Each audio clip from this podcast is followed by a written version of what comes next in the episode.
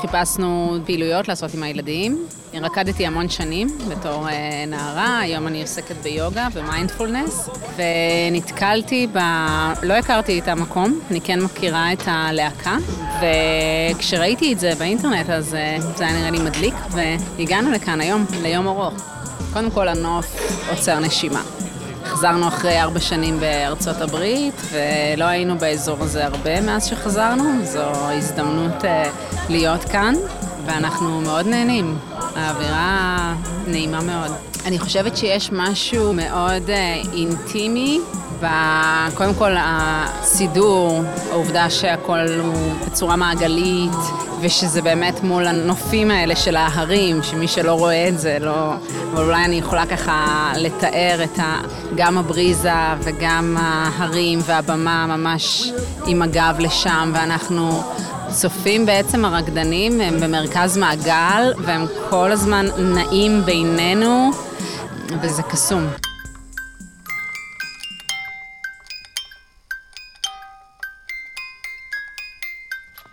אתם מאזינים לחיות מחול, פודקאסט על המחול העכשווי בישראל.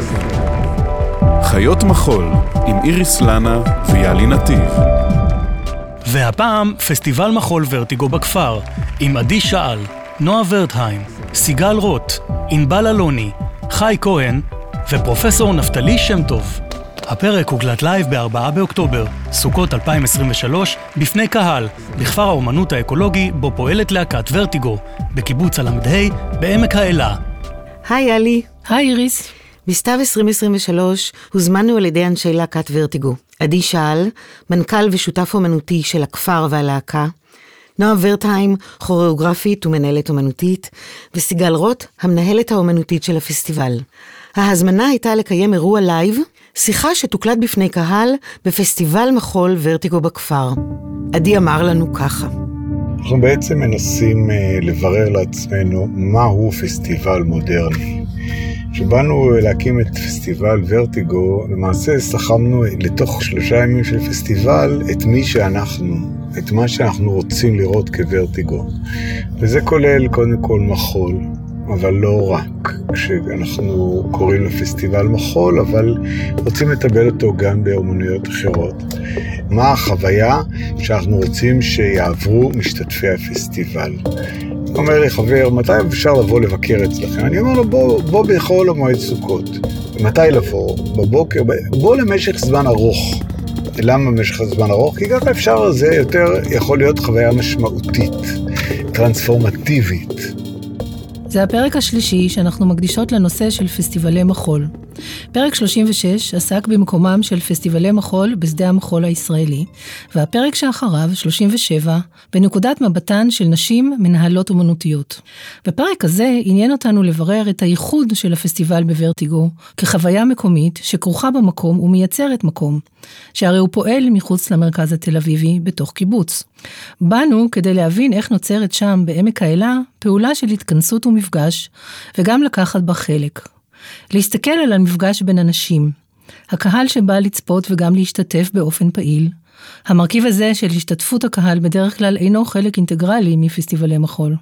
רצינו לראות את הקשרים הייחודיים בין האומנים המקומיים והלא מקומיים, בין תושבי האזור ואלו שבאים מרחוק. ביקשנו להבין איך הצוות המוביל בוורטיגו חושב על חוויית הקהל, איך פועל הפסטיבל ביחס לפעילות השוטפת של להקת ורטיגו, וגם בתוך המורכבות של כפר האומנות האקולוגי. איך הוא מתמקם ביחס לקהילה המקומית של קיבוץ נתיב הל"ה ומועצה אזורית מטה יהודה, וביחס לשדה המחול הרחב. ובתוך כל אלה הנחנו את השאלה הגדולה, מהו פסטיבל? מה פסטיבל יכול לעשות לאנשים? איך הוא יכול ליצור עבורם חוויה משמעותית, טרנספורמטיבית? איך הוא בונה קהילה, גם אם זמנית? ואיך המחול מייצר באופן ייחודי את ה ecosystem הזה? כל השאלות האלה מופנות אליכם, ואנחנו נתחיל איתך, עדי. הפסטיבל הוא בעצם אה, חיבור למסורת עתיקה של פסטיבלים, שקיימת אה, מאז ומעולם. פסטיבלים שיש בהם אה, טקסים סביב תאריכים משמעותיים. במקרה שלנו, חול המועד סוכות. הפסטיבלים האלה בדרך כלל מתקיימים בירח מלא, ויש בהם איזשהו רצון, אני אגיד כאן, יניח מילה, יש בו אפילו רצון לייצר חוויה מקודשת. הפסטיבל שלנו מתרחש במשכנה של להקת המחול ורטיגו, בכפר האומנות האקולוגי בעמק האלה. המקום הזה מנסה לחפש איזשהו קשר בין אה, אומנות לאקולוגיה. לכבד את הטבע ולא להשתלט עליו. ובתוך אה, שלושה ימים של הפסטיבל אנחנו מנסים ליצור איזושהי חוויה כוללנית, עוטפת, שהיא בעצם מייצגת את אורח החיים של ורטיגו. זאת אומרת, אני רוצה להגיד, הפסטיבל הוא נקודה בזמן, אבל זה משך של 32 שנה שאנחנו מנסים לזכך אותו עכשיו בתוך שלושה ימים. זאת הזמנה פתוחה לקהל שהגיע בכל הגילאים, להיות אה, חלק מתוך הדבר הזה. לאפשר לעצמו להגיע, אם אפשר, לפרק זמן ארוך, כדי באמת לעבור חוויה משמעותית. הפסטיבל מציע מגוון אומנויות, החל מאומנים שברגעים אלה נמצאים בחוץ כי הם בתחילת דרכם, ומופעי החוצות זה השלב שגם אנחנו היינו שם בתחילת הדרך. דרך מופעים לילדים, שאחרי זה אולי יהיו צחקני תרבות מדהימים, ועד למופעים של אומנים בשלים שפגשנו בארץ ובעולם. כולל אה, טרום בכורה של להקת המחול ורטיגו מחר. מילה אחרונה, אני רוצה להגיד שהם אלה מיטיבי לכת שרוצים להעמיק, יכולים גם אה, לחזור משהו שהוא גופני יותר, שהוא אה, סדנת תנועה שהתקיימה זה עכשיו, או להישאר ללון באיזה חדר בוץ אה, פשוט, ובבוקר לקום בזריחה לסדנת טייצ'י, סיור אקולוגי, ולפעמים שירותי הקומפוסט עלולים להיות החוויה המשמעותית הטרנספורמטיבית ביותר. לא, יכולה, בשיחה המקדימה את דיברת קצת על הרציו של אירוע הפודקאסט בשבילך. למה לדבר על? למה לדבר על נקודת הזמן הזאת, אחרי שש שנים, זאת אומרת, שנה שישית של הפסטיבל? למה עכשיו? אה, קודם כל, אני חושבת שלדבר על משהו זה רגע להביא דיון, רגע להביא זיכוך, ולהגיד בעצם מה אתה רוצה לעשות. אז פה אנחנו מביאים באמת את כל ההיבטים של אה, ורטיגו בתוך הפסטיבל. אבל אני הולכת לפני כן לשאול שאלה עמוקה, שכשאתה עושה משהו בכלל, אז למה אתה עושה אותו? ומה אתה רוצה שיקרה בתוך הדבר הזה? זהו, אני שמה את זה כזמן שלנו. אני חושבת שהדיון הזה, אני מקווה שבשעה הקרובה תעזרו לנו, פשוט ככה. ממש מרגיש לי שדיון זה דבר שהוא מפרה, וכשיש המון המון אה, נשמות, ראש, לב, אינטואיציות של הרבה אנשים מתחומים שונים, שיעירו לנו את הדרך, כי אתה תמיד תשחזר את עצמך, קצת תמצא איזה עומק חדש, אבל באמת אה, בא לי חידוש, בא לי להבין עוד יותר לעומק מי אנחנו, מה אנחנו, ולפעמים להביא אתכם כחברים, שותפים לדרך, זה מאיר ופותח. נפתלי, בשיחה המקדימה שהייתה לנו, אתה הזכרת את המושג הוסט אה, קומיוניטי, כחוקר פסטיבלים שאתה.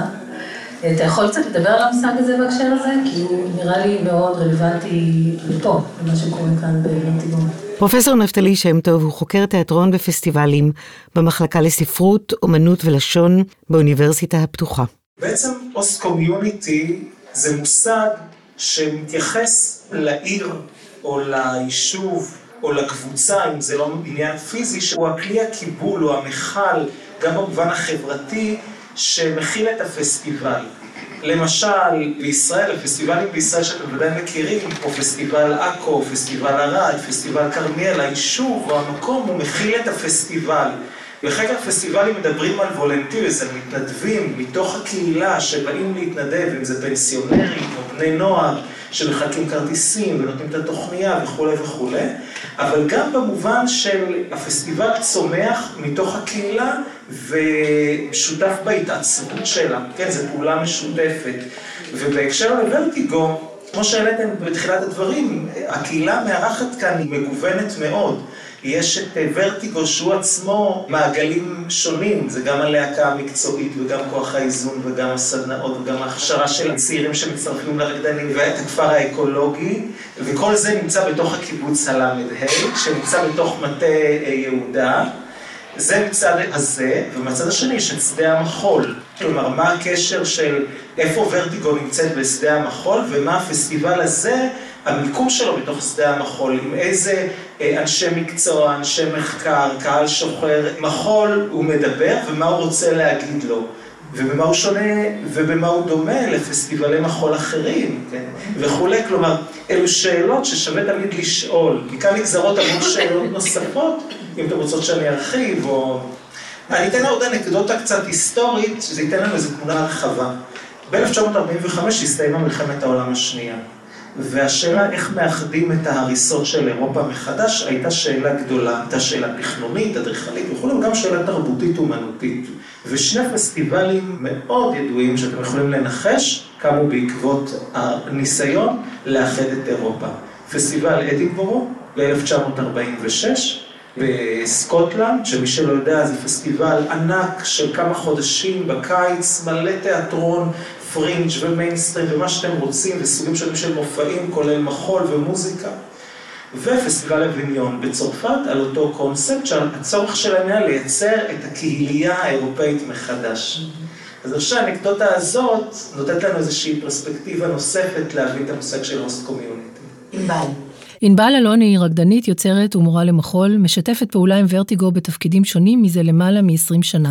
כן, שככה הסתובבתי היום אה, במתחם הפסטיבל, וחשבתי לעצמי מה מייחד את הימים האלו מכל יום רגיל. כי כל יום רגיל שאני מגיעה לכאן יש איזו תחושת התרוממות ואיזה גן עדניות אה, לאחוז כזה או אחר, יש איזו התכווננות של אה, איזה מסה של אנשים, שגם אם ככה יש משהו מועד לאיזה צליעה, אז יש איזו הדבקה ואיזו התרחבות. וזה כוח באמת של התכווננות, של אסופה של אנשים. ואני ככה מחוברת לשני מעגלים, גם למעגל באמת המקצועי פה של ורטיגו, שאני ממשיכה להתפתח באמת, מביך להגיד כמה שנים. תגידי, תגידי. אני חושבת שמ-1999 עדי נתן לי אה, מכתב אה, שחרור מהצבא, השתחררתי חודש לפני הזמן. האמת שלפני, כבר בכיתה ט', נועה עשתה לי אה, שיעורי אימפרוביזציה פרטיים. שכחתי מזה. אני זוכרת את עדי ונועה זוג צעיר, טרי, תוסס ונועז, ואז, נועה עם קרחת עיניים כאלו גדולות, ועדי כזה, כמו שהוא, רק לפני זמן קצת. וזהו, וזה ממשיך, וזה באמת חיבור, הייתי אומרת אפילו קצת גורלי, מעיזה להגיד, ובאמת להמשיך להתפתח ככה לצד המשפחה הזאת, שהיא באמת מביאה משהו מאוד מאוד מובהק ומאופיין ומגובש בשפה האומנותית, ופתאום עכשיו להתוודע לשלושה ימי פסטיבל כאלה שבאמת מאפשרים מנעד של אומנים שמביאים באמת את האישי שלהם, את הטוטלי שלהם. זה עושה לי מחשבה, ענבל, שבמה שאתה אמרת, ואני מחברת כמה דברים ביחד, שאתה דיברת על המקום, קודם כל מקום זה גם השם של אלוהים, ובאמת, קודם כל זה נוצר במקום, אתה חייב מקום שזה יקרה בו, גם באפריקה כשהתחילו פסטיבלים או מה שלא היה, הם התייחסו לירח ולשמש כי זה אולי מעוז של הטבע, אבל קודם כל המקום מייצר. ואז באמת מרחב הזמן, זאת אומרת, למה עכשיו? למה בירח מלא? כשהיית מחובר מאוד לטבע, הרמת את הראש, התפללת על הגשם, ובאמת היית עושה טקסים אמיתיים, פגאנים מחוברים, אם זה כישופים, אם זה טיפול, ואם זה מספרי סיפורים, ולא משנה מה היה בהיסטוריה המאוד רחוקה של פסטיבליות, זה באמת היה במקום מסוים, מתוך קהילה אולי קטנה שנובעת וגודלת וגודלת, לתוך זמן מסוים, גם חגים, כל מיני דברים שאנחנו עושים שהם תלויי זמן. עכשיו זה שינוי עונה לדוגמה. יש משהו בשינוי עונה. יש פה משהו שבעיניי אנחנו רוצים גם להביא איזו אווירה של מפגש של הרבה קהילות. בעידן המודרני אתה מזמין קהל, הקהל מגיע והולך. פה כשאתה נוכח ונשאר, יש עוד אירוע ויש אירוע בחוץ, ואוכלים יחד, ואפשר להיפגש ולדבר. מזה התחיל הפסטיבל? אלה היו המקורות של ה... או נגעת במשהו, חבל. עדי, יש לנו מקורות מחשבה, כי אנחנו פועלים עכשיו, כל הזמן פועלים, ואז מבינים מה קרה. זה יותר ורטיגו. אבל הם רוצים לזכך עם ורטיגו, זה משהו כזה. באנו לאתר את המקורות. השאלה הזאת, אם יש ביזנס פלן? תוכנית חומש? אי אפשר היה לדמיין בתחילת הדרך בשני רקדנים שקפצו אחד על הכתף של השנייה, שיהיה כפר אומנות אקולוגי, זה לא, אי אפשר להמציא את זה. אבל יש הקשבה, ניסיון להקשבה לקהילה, לקהל, ללהקה, משתעשעים עם השורשים האלה, וכמו שנועה אומרת, גם לזמן ולמקום.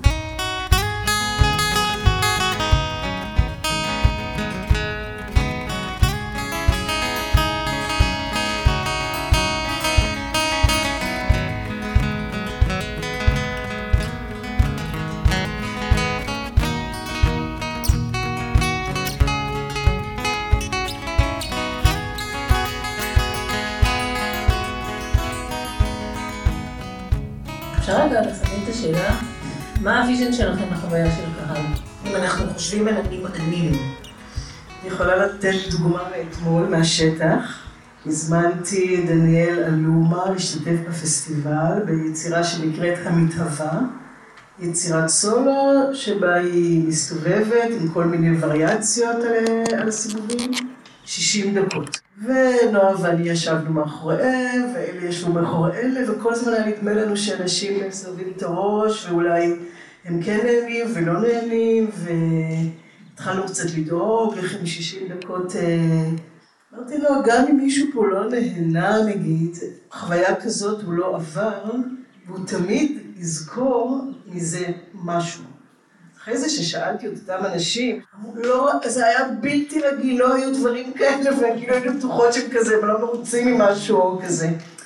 אז יש דברים שאתה מביא, כי אתה רוצה להביא גם דברים שלא נראו עדיין, ושהם בהתהוות חדשה כזאת.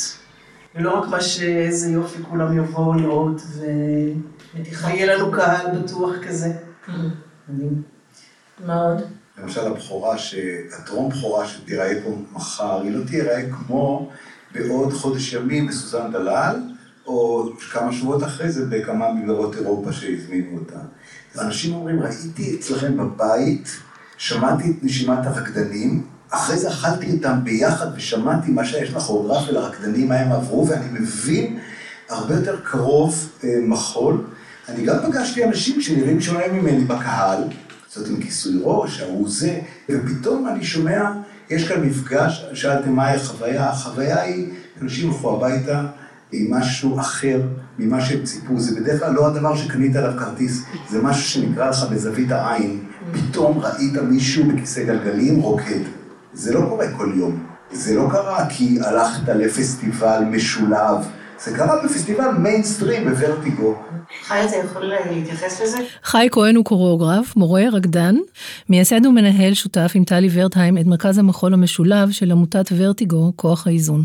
כן, אני חושב שהקיום של הפסטיבל הזה בתור איזושהי תצוגה של כל הענפים, ורטיגו, כולל כוח האיזון, מרכז למחול משולב שמביא אנשים עם יכולות פיזיות שונות לבמה ומנסה קצת לנער את התפיסות המחוליות הידועות וקצת לשאול שאלות, אמר ייצוג נכון של גוף, האם קיים כזה ייצוג? זאת שאלה שמלווה אותנו כבר אה, עשרים ומשהו שנה, שכוח האיזון אה, חלק מתוך אה, העמותה. מוצאת ביטוי בפסטיבל שנה אחר שנה, יש סלוט שמופיע בו הרכב עם גיוון פיזי, עם שונות גופנית.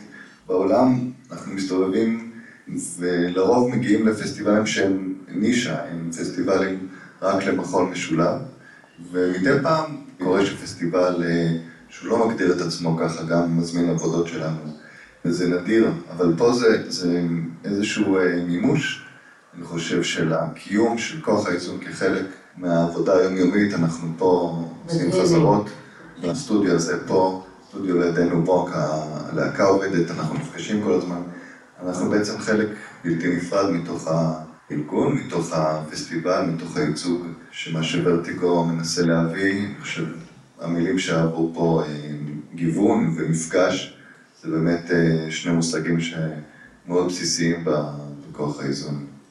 אתה יכול להיכנס קצת יותר לעובי הקורה בעניין הזה של התהליך שקרה מאז שהתחלתם כי בעולם זה קורה גם, זאת אומרת, יש נוכחות למחול משולב, יותר ויותר להקות, או קצת יותר להקות בעצם.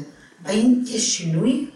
אז באמת בדיוק לפני שנה אה, התארחנו בפסטיבל בקוריאה, והיה שם פאנל ששאל מה באמת המקום של אה, מחול משולב במיינסטרים של השדה המחול העולמי.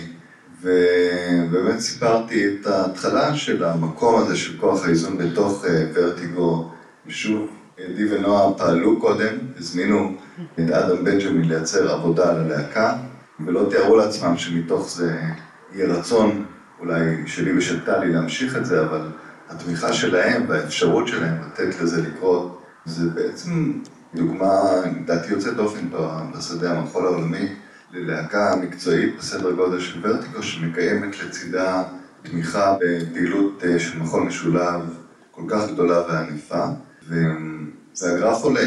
אנחנו התחלנו אולי גם כן צמד אה, שקפץ על הכתפיים של אה, זוהר. גם שם זה קרה עם אחותי, יש לנו נטייה כזו לקפוץ לגברים על הכתפיים. לא יודעת מה, איזה חינוך קיבלנו. בשביל זה יש כתפיים. אבל אה, באמת הגרף עולה, אנחנו אולי הגענו לאיזשהו שיא לפני שנתיים עם שייפונס, ששרון פרידמן יצר לוורטיגו כוח האיזון. ומחר אה, מופיע גאופיר שהוא תוצר של העבודה הזאת. אני חושב שהשינוי הזה גם מתקיים ברמה העולמית. זה שינוי איטי, יש נפילות, יש גם אה, ירידות בגרף, אבל אה, לפי התחושה שלי באמת, התנועה הזאת והפתיחה לראות את האפשרויות בכל גוף ובכל תנועה ממשיכה להדהד בכל מקום. טלי ורטהיים, מייסדת ומנהלת שותפה של כוח האיזון, מספרת על כנס שהתקיים בקרוב בתל אביב, בנושא של מחול ואנשים עם יכולות מגוונות. רציתי לשתף uh, על uh, כנס, שזה יהיה הכנס השלישי במספרו, במאי, בסוזן דלל בתל אביב. הכנס הזה הולך uh, בעצם uh, להזמין את העולם המחול המקצועי. לפתוח את שעריו ואת הדלת ואת הראש ואת התודעה לאפשרות שגופים שונים עשויים להיות אה, דבר שיכול אה, להיות אה, ארטיסטי מאוד מאוד מעשיר ומעניין. והרצון שלנו בעצם בכנס הזה זה לפרוס איזושהי אפשרות בכלל להתיידד עם הרעיון שכוריאוגרפים עם יכולות פיזיות מגוונות, רקדנים עם יכולות פיזיות מגוונות, יוכלו יותר ויותר להיראות ולהביע את עצמם בתוך הסצנה המחולית המקצועית בארץ. תודה, טלי. ענבל? אני חושבת שנפתלי הזכיר בזמן אה, קודם, הזליגה הזאת באמת אה, של הקומיוניטי הקטן, הקוסמוס הזה פה של ורטיגו לתוך הקיבוץ, שבאמת אה, אני מסתובבת לי ככה ברחובות של הקיבוץ עכשיו בתור מי שחיה פה כבר 12 שנים, ומרגישה קצת שזה ניחוח החג ככה ספרד לקיבוץ, ורינה מהמרכולית שואלת אותי, אה, שמעת על ה... הצגת בוץ, ילד בוץ, שהבת שלך מכיתה א' ומהגן אה, באו לבקר פה בפסטיבל, ועוד שכנה שאני לא בקשר איתה מסמסת לי אם יש עוד כרטיסים אה, להופעה שאני גם שותפה לה, שחי אה, ציין קודם עם גו פיגר גם, אם יש עוד כרטיסים, ו... אז יש פתאום איזו התעמרות כזאת ואיזו התקרבות של העשייה שקורית פה ביומיום, פתאום ככה בצורה יותר משמעותית, שזה מאוד אה, יפה ומשמח ואורגני איכשהו עבורי. זאת אומרת, מה שאת אומרת זה שהפסטיבל הוא נקודה בזמן שבו יש אה, יותר זליגה ויותר חיבורים עם הקהילה של נתיב הל"ה? באופן מרוכז יותר, אני מרגישה, כן. כמו זה אווירת חג, שהשמועה נפוצה ככה ויותר אנשים אה, מזדמנים פה, גם במהלך השנה יש לא מעט. מפגשים כאלו וזליגות כאלו, אבל עכשיו זה מרגיש ככה יותר משמעותי. אני רוצה להגיד, אתם נמצאים פה המון זמן כבר, כמה שנים אתם פה? 17. 17. אז תדברו קצת על, באמת על הקשר הזה עם הקיבוץ, וה... זה, זה לאט, נכון? זה קהילה בתוך קהילה בעצם. אני חושבת שבאנו עם קונספט או משפחה בתוך מקום קיים, שהוא בהתהוות הפוכה, הם בדיוק מתפרקים, ואנחנו בונים. אז זה מייצר מתח מסוים. וגם אי אפשר להגיד כולם, אבל כן יש איזה משהו שבכל זאת זה איזשהו רגע בזמן של קיבוץ שהוא לא בהוויה של אנחנו כרגע חלוצים, אנחנו כרגע נהיים כל אחד לביתו. קפיטליזם שוב משתלט כרגיל, העידן המודרני, הופך להיות מופרד, זה משהו שקורה. וזה באמת לוקח זמן, אבל מה שענבל אמרה זה נפלא, כי אין מה לעשות, אנחנו אנוש, וקיבוץ עבר תהליך, אנחנו עברנו תהליך. ולאט לאט זה מתחיל להתחבר, ומשהו משתנה, וזה קסום, ממש, מתחיל להתהוות, אתה רואה שאנשים מגיעים ומשותפים, ומיד אמרו נביא את הגנים, זאת אומרת, פעם זה היה לחצות בסלע, ואפילו אומנים מתוך הקיבוץ, יש פה המון מוזיקאים מוכשרים, לא יודעת מה שקלו בנתיב עליהם, אבל... אני חושב שהמעגלים, מה שמעניין פה זה המילה מעגלים, כאן אנחנו יושבים במעגל. בחוץ יש מופע שקורה בשקיעה במעגל. הקיבוץ הוא סוג של קהילה אחת, אבל יש כאן קהילה, יש כאן זה הגליל הבא, מגלים את מטה יהודה, הרי ירושלים, מבואות ירושלים, בואכה. יש גם קהילה שנקראת עולם המחול. אחד הדברים שהכי משמחים הוא שאתמול היה כאן להקה אה, מבאר שבע, שמופיעה בדרך כלל בסוזן דלל בתל אביב. להקת סול. להקת סול, עם אייל דדון, והם התרגשו, ואנחנו התרגשנו. וואו, זו פעם ראשונה, לא ראינו, לא ידענו, לא זה. אנחנו לא היינו מתפלאים, כי אנחנו מסתובבים הרבה בפסטיבלים בעולם, וכמעט ולא יצא לנו לחוות את הפסטיבל, זה בדרך כלל בא והולך. ופתאום זה שרקדני הלהקה של ורטיגו היום, חלקם נשארים פה לישון כדי לשמוע את מה שיש לנו להגיד, זה אומר שיש דור הבא. יש כאילו, זה בר קיימא, זה יחיה גם אחרי שאנחנו נעבור.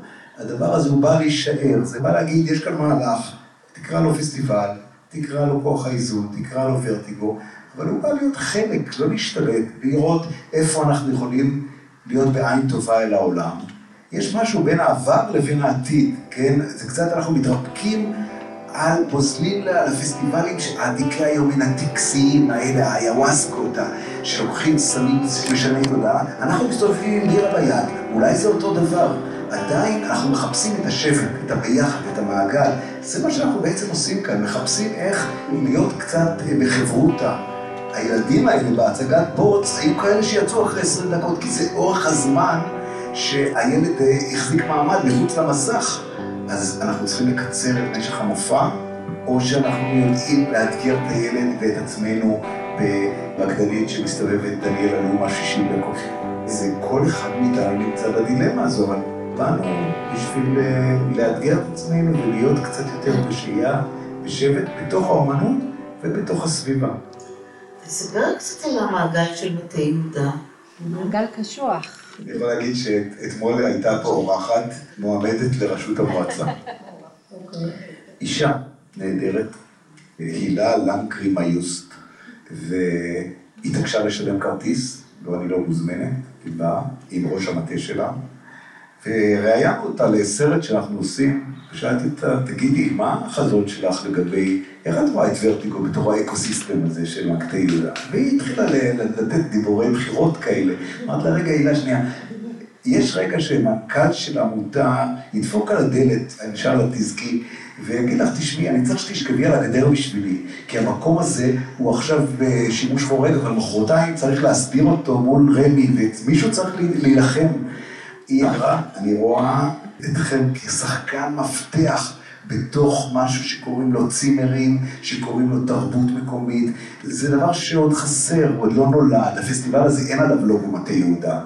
לא יודעים איך לאכול אה, עמותת תרבות בתוך אזור כפרי. זה דבר שעיר כמו ירושלים, כי לוורטיגו יש שני בתים, אחד בכפר ואחד בעיר, עכבר הכפר ועכבר העיר.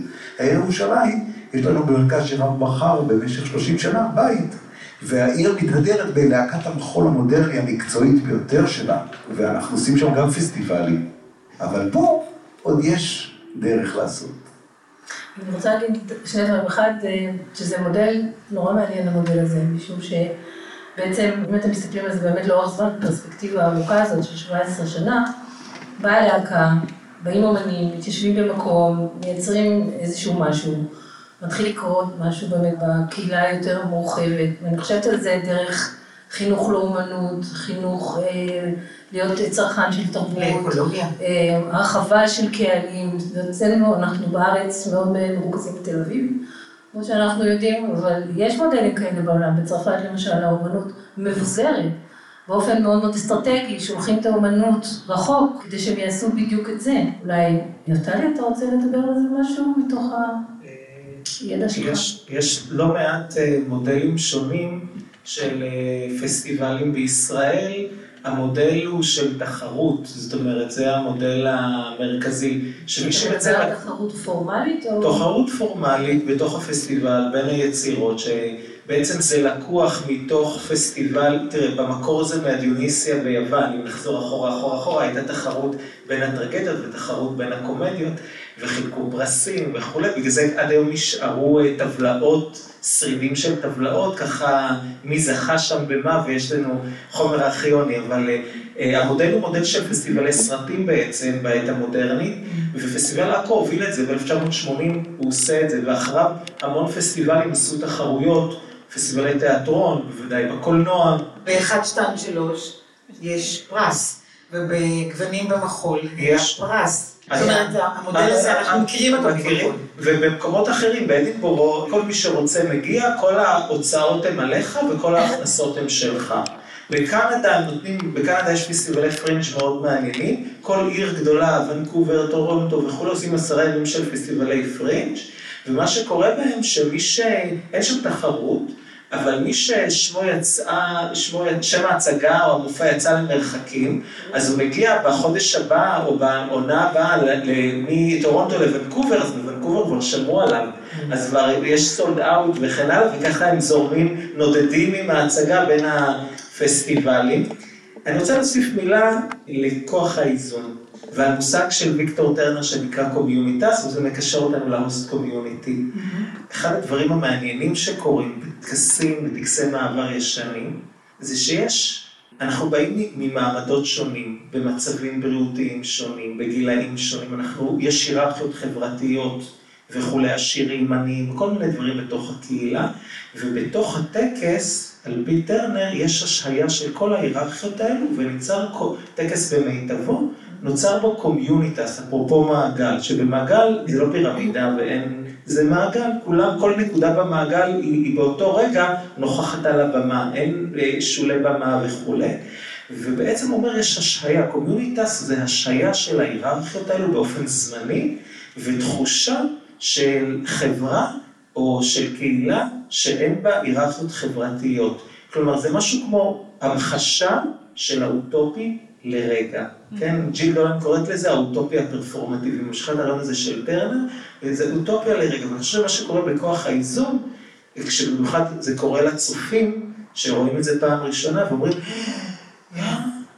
כאילו, אף אחד לא מאמין שאנשים שהם יכולות מגוונות, יש להם יכולות מגוונות. זאת אומרת, אתה בא עם תפיסה, הם נכים, הם מוגבלים, הם לא יכולים, לא, לא, לא, לא, ופתאום אתה רואה שלא רק לא, יוצא מזה איזו אסתטיקה מדהימה, זאת אומרת, יש נוצר communitas על הבמה, שגם ממשיכה לתוך הקהל וכולי, כלומר, יש איזשהו אימפקט מאוד מאוד חזק.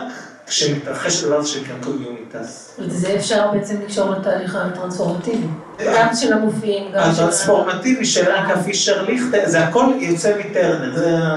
אני לא אכנס עכשיו אפרופו לתיאוריות, זה העולם, הטרנספורמטיבי, האוטופי, ה communitas, שקשור אחד לשני. אני רוצה אבל שתענה לי רגע משהו. נגיד, אתה אומר, בדיוק, אני רוצה את המתח הזה בין הטרנספורמטיבי למקודש, למעגלים, לבאמת לבוא להיפגש, להיות ביחד. אבל אני מרגישה גם שאני קצת תקועה בין הדבר הזה שקוראים לו עידן מודרני, שכן יש את המקום של פרפורמנס, שאני צופה, ואני מתכללת את הכל, אני מביאה גם את הפרפורמנס, שהוא תוצר מודרני, כמו טלוויזיה, אבל הכי עמוקה שיש, כי זה לייב, וזה מדבר על עומק ועל אומנות ותרבות. תרבות נקרא לזה, בלי בושה. איך אני אומרת שהתרבות הזו באה לי בתור פסטיבל, אפילו לא לעשות תרבות. אתה מבין מה אני אומרת? כאילו, או ללכת אחורה בהיסטוריה, או לזמן הווה כרגע, לאיזו נוכחות של מפגש שהיא אינטימית, שהיא בלתי אמצעית, שהיא באמת מייצרת איזה מין משהו שהוא חדש ואחר. אם אני מבין אותך נכון, את מדברת על איזשהו מתח שבעצם בין הצורך שלנו בתבניות וגבולות וסדר, לבין הצורך לפרוע את זה, ושנהיה בנוכחות, להיות נוכח זה בעצם לשים את כל מה שאנחנו יודעים, להשעות רגע את כל מה שאנחנו יודעים בצד ולהיות נוכח. ויחד עם זאת, כל מה שאנחנו יודעים עדיין משפיע על הפעילות שלנו. זה איזה סוג של מתח כזה, שהתבניות לא יגבילו אותנו, אבל גם כן יעזרו לנו ויקדמו אותנו, כי נוכל להשתחרר מהם, או להרחיב אותם, או לעצב אותם מחדש. זה איזשהו פרדוקס קיומי בסופו של יום, וכשפסטיבל מצליח לייצר את החוויה הזאת, של בין הסדר לכאוטי ולנוע בתוך התנועה הזאת, אז יוצר אותה, אותה נוכחות, לא נראה ברוטיני שהוא לא כאן ולא עכשיו, הוא ב present simple או ב present progressive, ומצד שני, אי אפשר בלי התבניות, אי אפשר בלי הטכניקה, זה המתח הזה לנוע בתנועה, מה שחשוב, אפרופו רקדנית, זה גמישות. קרן כרמל מדברת. גם אה, דיברתי על זה עם עדי בכמה הזדמנויות. הקונפליקט הזה, הסיבוך הזה של פעם אחת אתם רוצים אה, שיבואו בהמוניהם ויכירו ויראו ויתגרו הלאה. כמו שאמרנו, זו מועצה פה מאוד מבוזרת, מאוד שונה, זאת אומרת, מאוד מגוונת אה, מבחינת החומר האנושי. נורא קשה לכוון לדעת רוב אצלנו פה באזור. אז פעם אחת אתם רוצים שכולם יבואו, ומצד שני, מה שסיגל אמרה, רוצים להביא, לאתגר. עכשיו, אם אתה מאתגר, אז גם כשאתה מאתגר בתל אביב, מאוד קשה להביא קהל, במיוחד למחול שגם כשאתה לא מאתגר קשה להביא קהל. אז יש פה את הקונפליקט הזה בעצם, למרות שאנחנו כאילו במרכז הארץ, אנחנו די נישה גיאוגרפית, זה לא שאתה לוקח אוטובוס וקופץ, אתה צריך, יש לך שלוש פעמים הזדמנויות להגיע הנה עם אוטובוס, אז גם זה. וגם המופעים הפחות מוכרים שבאים הנה, וגם זה שאתם בוחרים, וזה מקסים בעיניי, להביא לפה אנשים מכאן, שהם ישירו והם ינגנו, והם, כאילו, אתם פותחים פה את הדלתות לכוחות היצירתיים המקומיים, אבל בתל אביב ובמסילת ציון ובאג'ור פחות מכירים אותם, אז יש שם קונפליקט. יצאנו לדבר עם כמה אנשים בקהל. רקדתי שנה בחיי, אבל אני מאוד אוהבת מופעי ריקוד. שמענו שיש פה גם הופעות מוזיקה, ובאמת פשוט נעים לשבת פה. סבתא שלי, האמת, היא סיפרה לי שיש את המופע. ראינו עכשיו את המופע אה, ראי. היינו גם במופע של שרון ותומר, שהם אה, ניגנו ושרו, וראינו את התערוכה של אה, נמרוד קורן. כן, שהדברים בחינם תמיד קל להגיע. כן, לגמרי. כן. אני חושבת שזה יותר מנגיש את זה, כי לראות את זה באולם זה משהו אחר לגמרי, אז לראות את זה כחלק מפסטיבל עם האווירה, עם האורות, עם המקום המיוחד הזה, זה משהו אחר לגמרי.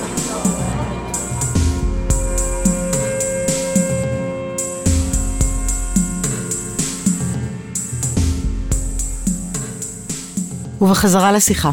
ענבל, את יכולה לומר משהו על מה ההבדל בין להופיע פה ללהופיע באינטימה דאנס? וגם באותה הזדמנות, מה זה בשבילך כיוצרת? להיות חלק מהפסטיבל פה. יוצרת שהיא מגלה את עצמה, שזוקפת תודה גדולה מאוד לסיגל, שבאומץ גדול באמת פותחת שערים פה עבורי ועבור עוד יוצרים, שככה מגשימים צרכים חבויים, שיכול להיות שבאמת היינו נשארים במגירה ככה עמוק, וזה באמת מתנה גדולה. ככה שיתפתי אתכם בזום שהיה לנו לפני כן, שהופעתי יחסית בסמיכות עם דואט שהוא עלה פה בפסטיבל סוכות האחרון, Hold Your Horses עם יוחאי גינתון ועם עוזרת שלנו רוזי כנען, וכעבור כמה חודשים הופענו עם שדרוג של הדואט הזה באינטימה דנס, וזה באמת הייתה חוויה כמו, אני לא יודעת, יין ויאנג, כזה משהו מאוד דרמטי אחר, שאפילו ככה החלפנו בינינו לחשושים של אולי זה דואט של פריפריה, של כפרי. אבל אז חשבתי לעצמי למה, ופשוט אולי באמת גם הייתה איזושהי התרגשות של פעם ראשונה שזה נחשף, שזה נחשף כאן, וגם איזו תחושה של בית במקום פה. הדואט נוצר פה, ואני חיה פה, ויש משהו שצמח מתוך הקירות והקרקע פה, וגם הקהל היה קהל ביתי, ושם באמת היה חשיפה מאוד מעניינת של מעוז ה urban, כאילו משהו כזה של להיכנס לתוך מחילה מגניבה ואנדרגראונד מלאת vibe, וזה פשוט היה תדר אחר, שמאוד מעניין היה, אבל מאוד שונה, פשוט אנרגטית, מפגש אחר. והקהלים שמגיעים לכאן הם קהלים שבאמת גם מתוך הקהילה של העמק, שכבר מתחילים להכיר גם מתוך שיעורים, שיעורי בוקר שקורים כאן והפכו להיות פתאום בחוויה של תנועה, של כמה ריקוד עושה להם טוב, ומתוך הזווית הזאת פתאום נחשפים גם לתרבות הצפייה אה, אבל גם אה, אנשים שמגיעים מבחוץ. זאת אומרת, אימא שלי עם חברים עם קהילה של אה, ירושלמית מרחביה, אינטלקטואלים כאלו ששאלו אותי לבוא לפה להופעה, אז אמרתי להם, כן, תבואו, כי זה באמת, גם אם הם לא ייהנו מההופעה עצמה, יש משהו שהוא מכיל חוויה שלמה, רחבה, של באמת לצאת החוצה רגע. וזו חוויית התרחבות אסתטית של טבע, של תרבות. אז להגיד בדיוק מה שונה, מלא, מלא דברים שונים, גם דומים וגם שונים. זה העלה בי, כשהיא אומרת שזה שונה, הקירות שאנחנו יושבים סביבם הם אדמה. כשאתה מייצר בעצם מרחב מתוך משמעות, אתה מייצר אותו כי אתה מתחבר לסביבה, אתה נמצא בטבע, אתה לא רומס אותו, אתה באמת שותף, אתה מכבד אותו. כל מי שהגיע אתמול להכות שם, פעם ראשונה שאנחנו כאן, וזה בושה, בעולם המחול, בעולם התרבות, הם אומרים, אנחנו הולכים, שיש פה קסם, יש פה משהו שהוא שונה. ובטח שהוא שונה מהאורבני, כי האנרגיה מחוברת, היא רואה בכל זווית את השמיים, את הטבע, כל הסביבה היא בנויה אקולוגית ומתוך הטבע. אני חושבת שהמקום עצמו מייצר גם כן vibe לפני הטבעת כבר במאוד. זה משהו. סיגל. את המנהלת האומנותית של הפסטיבל, בנוסף לכל הדברים האחרים שאת עושה פה. אה, תספרי לנו קצת איך את חושבת על הפסטיבל הזה, מה מעסיק אותך, איך את בונה אותו אל מול הדרישות של משרד התרבות? כן, יש קריטריונים בהחלט. זה בעצם אמור, אה, אנחנו צריכים אה, להביא שלוש בכורות. שלוש יצירות, זאת אומרת זה בנוי על שש עבודות בעצם. וזה צריך להיות שלושה ימים, לא? זה יכול להיות גם לדחוס יותר ביומיים וחצי, כאילו אפשר לדחוס, אבל זה כאילו שש עבודות, כן. אבל סביב זה כבר בנינו הרבה דברים שהם מעבר, מעל ומעבר לשש הזה. באמת אה, מחשבה ראשונית לשקף את מה שכבר יש לנו פה. זאת אומרת, כוח האיזון, ייתנו ייצוג, כל הנושא האקולוגי ייתן ייצוג. הראשונים שאני פונה אליהם זה, נגיד רינה ורטן היה לה בכורה שנה שעברה, זה אנשים מפה, מהלהקה, או היו בלהקה, כאילו האנשים הראשונים שאני אפנה אליהם לבכורה, זה אנשינו, כאילו. גם לידי פניתי, עוד לא... רציתי שיעשה עבודה עם הבנים, שהם... גם רקדנים, אבל עוד לא הצלחתי להוציא את זה, אבל כן. איזה בנים? אנחנו מחכות. הבנים של עדי, שאחד פה יונתן, ויש את בליאל שרקד אצלי בתיכון לאומניות. אז קודם כל לשקף את מה ש-anyway יש לנו, רק להעלות את זה יותר לשטח, למודעות, ליצירה המקורית. ואז להזמין תמיד להקה. תמיד. חמש שנים, אנחנו בשלב הבא יכולים להפוך את כל התוכניות ונצא מפה עם איזה תובנות מעניינות חדשות. להזמין להקה שהיא מהלהקות הבינוניות, מה שנקרא. בגודל. בגודל. סול היו, שזה מאוד נעים לנו לארח אותם ולחוות. וגם באמת מהכיוון הריפואי הזה שאמרתי. תבואו קהל נכבד, תשכבו על מזרון, תקבלו צלילים מרפאים, כן, תבואו ותעשו. והוא בא לקהל הנכבד? הוא בא, שכב בהמוניו על המזרון.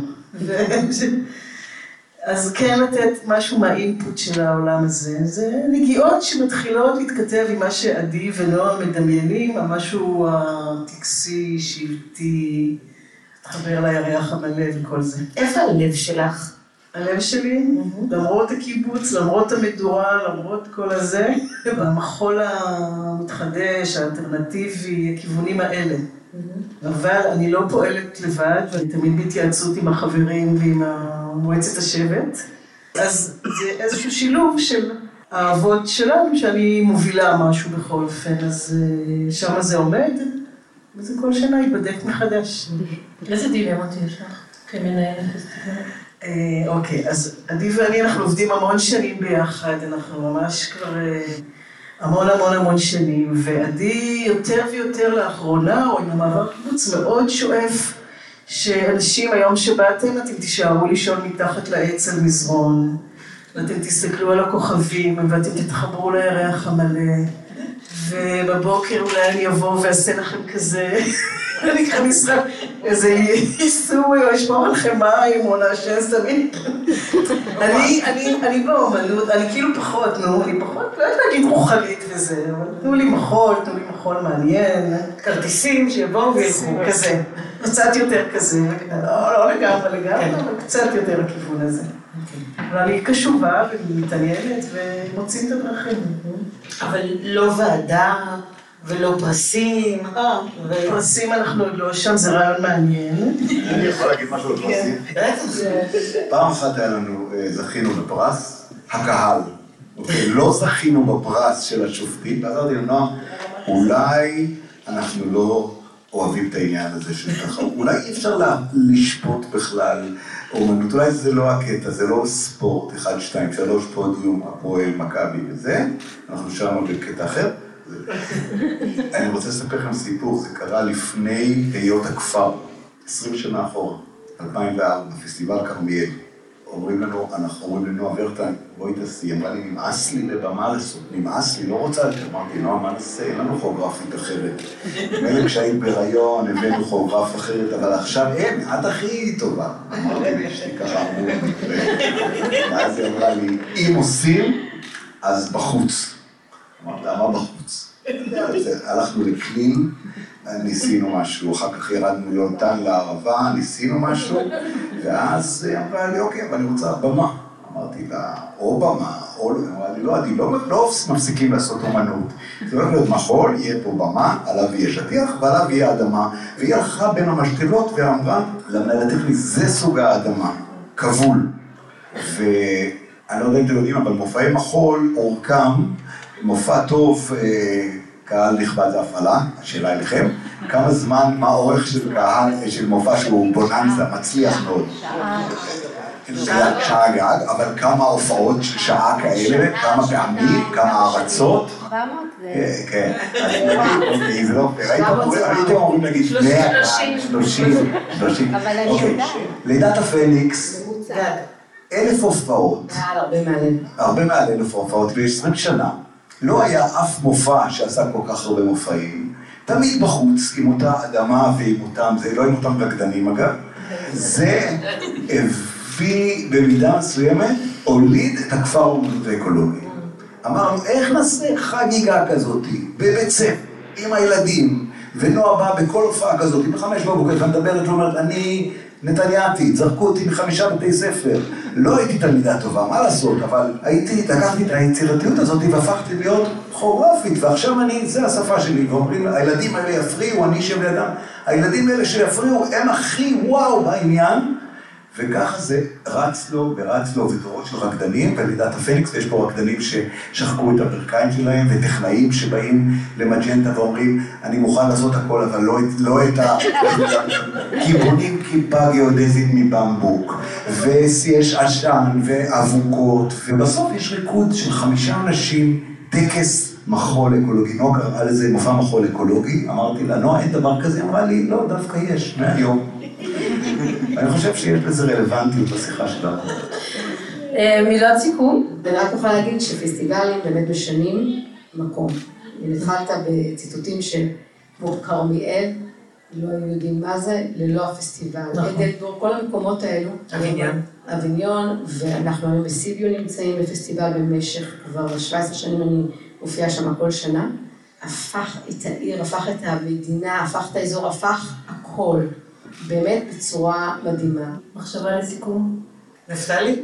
אני חושב שזה באמת המסקנה הזאת של מקום שממנו יצמח הפסטיבל, זה באמת מחשבה שהיא, בדרך כלל זה מה שקורה, זאת אומרת, עכו עם האולמות הצלבנים, ופסטיבל הילדים בחיפה קורה שם ברחבה הגדולה, בגן שמקיף את תיאטרון חיפה, בת ים, כלומר כל הסיפור הזה של מקום שהוא ייחודי, לחפש את הייחודיות, בעכו לא הביאו איזה זמר גדול ושמפציץ, אלא אנשים באו בגלל המופעים הייחודיים של היוצאים הצעירים, או אלטרנטיביים, אז גם כאן אולי המחשבה של איך המקום שהוא מאוד מאוד ייחודי, יכול להיות מנוף, והזכרת כאן את זאת שמתחרה לראשות העיר, בעכו ראש העיר הוא גם ראש ועדת הפסטיבל, כלומר העירייה היא זו שמפיקה את הדבר, זה גאוות העיר, העיר זה, עם כל המורכבויות של עכו, דווקא בגלל שזה מקרה מצוין, הוא מקרה נהדר כדי לבחון אותו, כי הוא קיים המון שנים,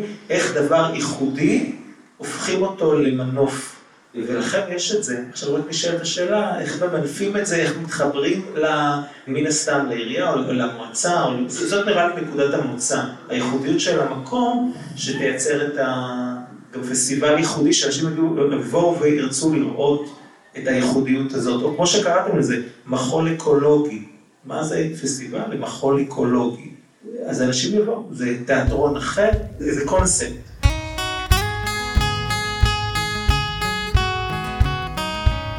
תודה לכם, כל המשתתפים שהייתם איתנו כאן. תודה לכם שבאתם. ערב טוב.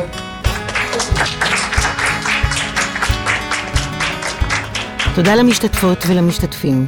עדי שאל, מנכ"ל ושותף אומנותי בוורטיגו. נועה ורטהיים, כוריאוגרפית ומנהלת אומנותית שותפה בוורטיגו. ענבל אלוני, רקדנית, יוצרת ומורה למחול.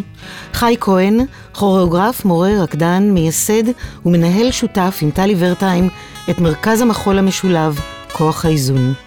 תודה לפרופסור נפתלי שם טוב, חוקר תיאטרון ופסטיבלים במחלקה לספרות, אומנות ולשון באוניברסיטה הפתוחה. ותודה לסיגל רוט, עוזרת למנכ"ל, רכזת תוכנית להכשרת רקדנים וקורסים מקצועיים, והמנהלת האומנותית של הפסטיבל. תודות לכל צוות ורטיגו על האירוח הנעים והנדיב. תודות גם לאנשים בקהל שדיברו איתנו, יפעת משדה ורבורג, רותם וגיא מקיבוץ נתיב הל"ה, ויעל, דודה של תום וקסלר. הפרק הוקלט live בפני קהל בפסטיבל מחול ורטיגו בכפר. הקלטה אביעד פוקס. אנחנו מזמינות אתכן ואתכם לבקר באתר הפודקאסט חיות מחול. שם תמצאו תצלומים, הפניות לחומרים נוספים ולהירשם לניוזלטר חיות מחול. איריס לנה היא חוקרת מחול, מרצה באקדמיה למחול ובסמינר הקיבוצים, ניהלה את פרויקט הקמת ארכיון להקת בת שבע, ואת תחום המחול בפרויקט שימור דיגיטלי של אוספי מחול בספרייה הלאומית. יאלי נתיב היא מורה וחוקרת מחול בהקשרים סוציולוגיים ואנתרופולוגיים. היא מרצה בכירה במכללה האקדמית לחברה ואומנויות, ASA, כותבת על חינוך לאומנויות, סוציולוגיה של הגוף, התנועה והמופע, ועל מחול והחברה הישראלית. מחקרה העכשווי עוסק ברקדנים מקצועיים מזדקנים. יאלי היא יושבת ראש עמותת הכוריאוגרפים. תודות לעורך הפודקאסט זוהר זלץ מאולפני אשל, ולמתן אשכנזי מאולפן אוזן מוזיקלית על הקלטות נוספות. סטרימינג, שם הפודקאסטים ויצירות סאונד. הפקה, איריס לנה ויאלי נתיב.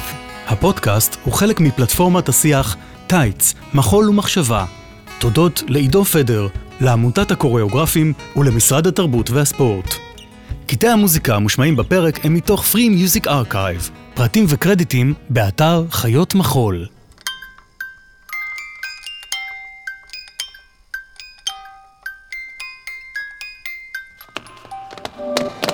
האזנתם לחיות מחול עם איריס לנה ויאלי נתיב.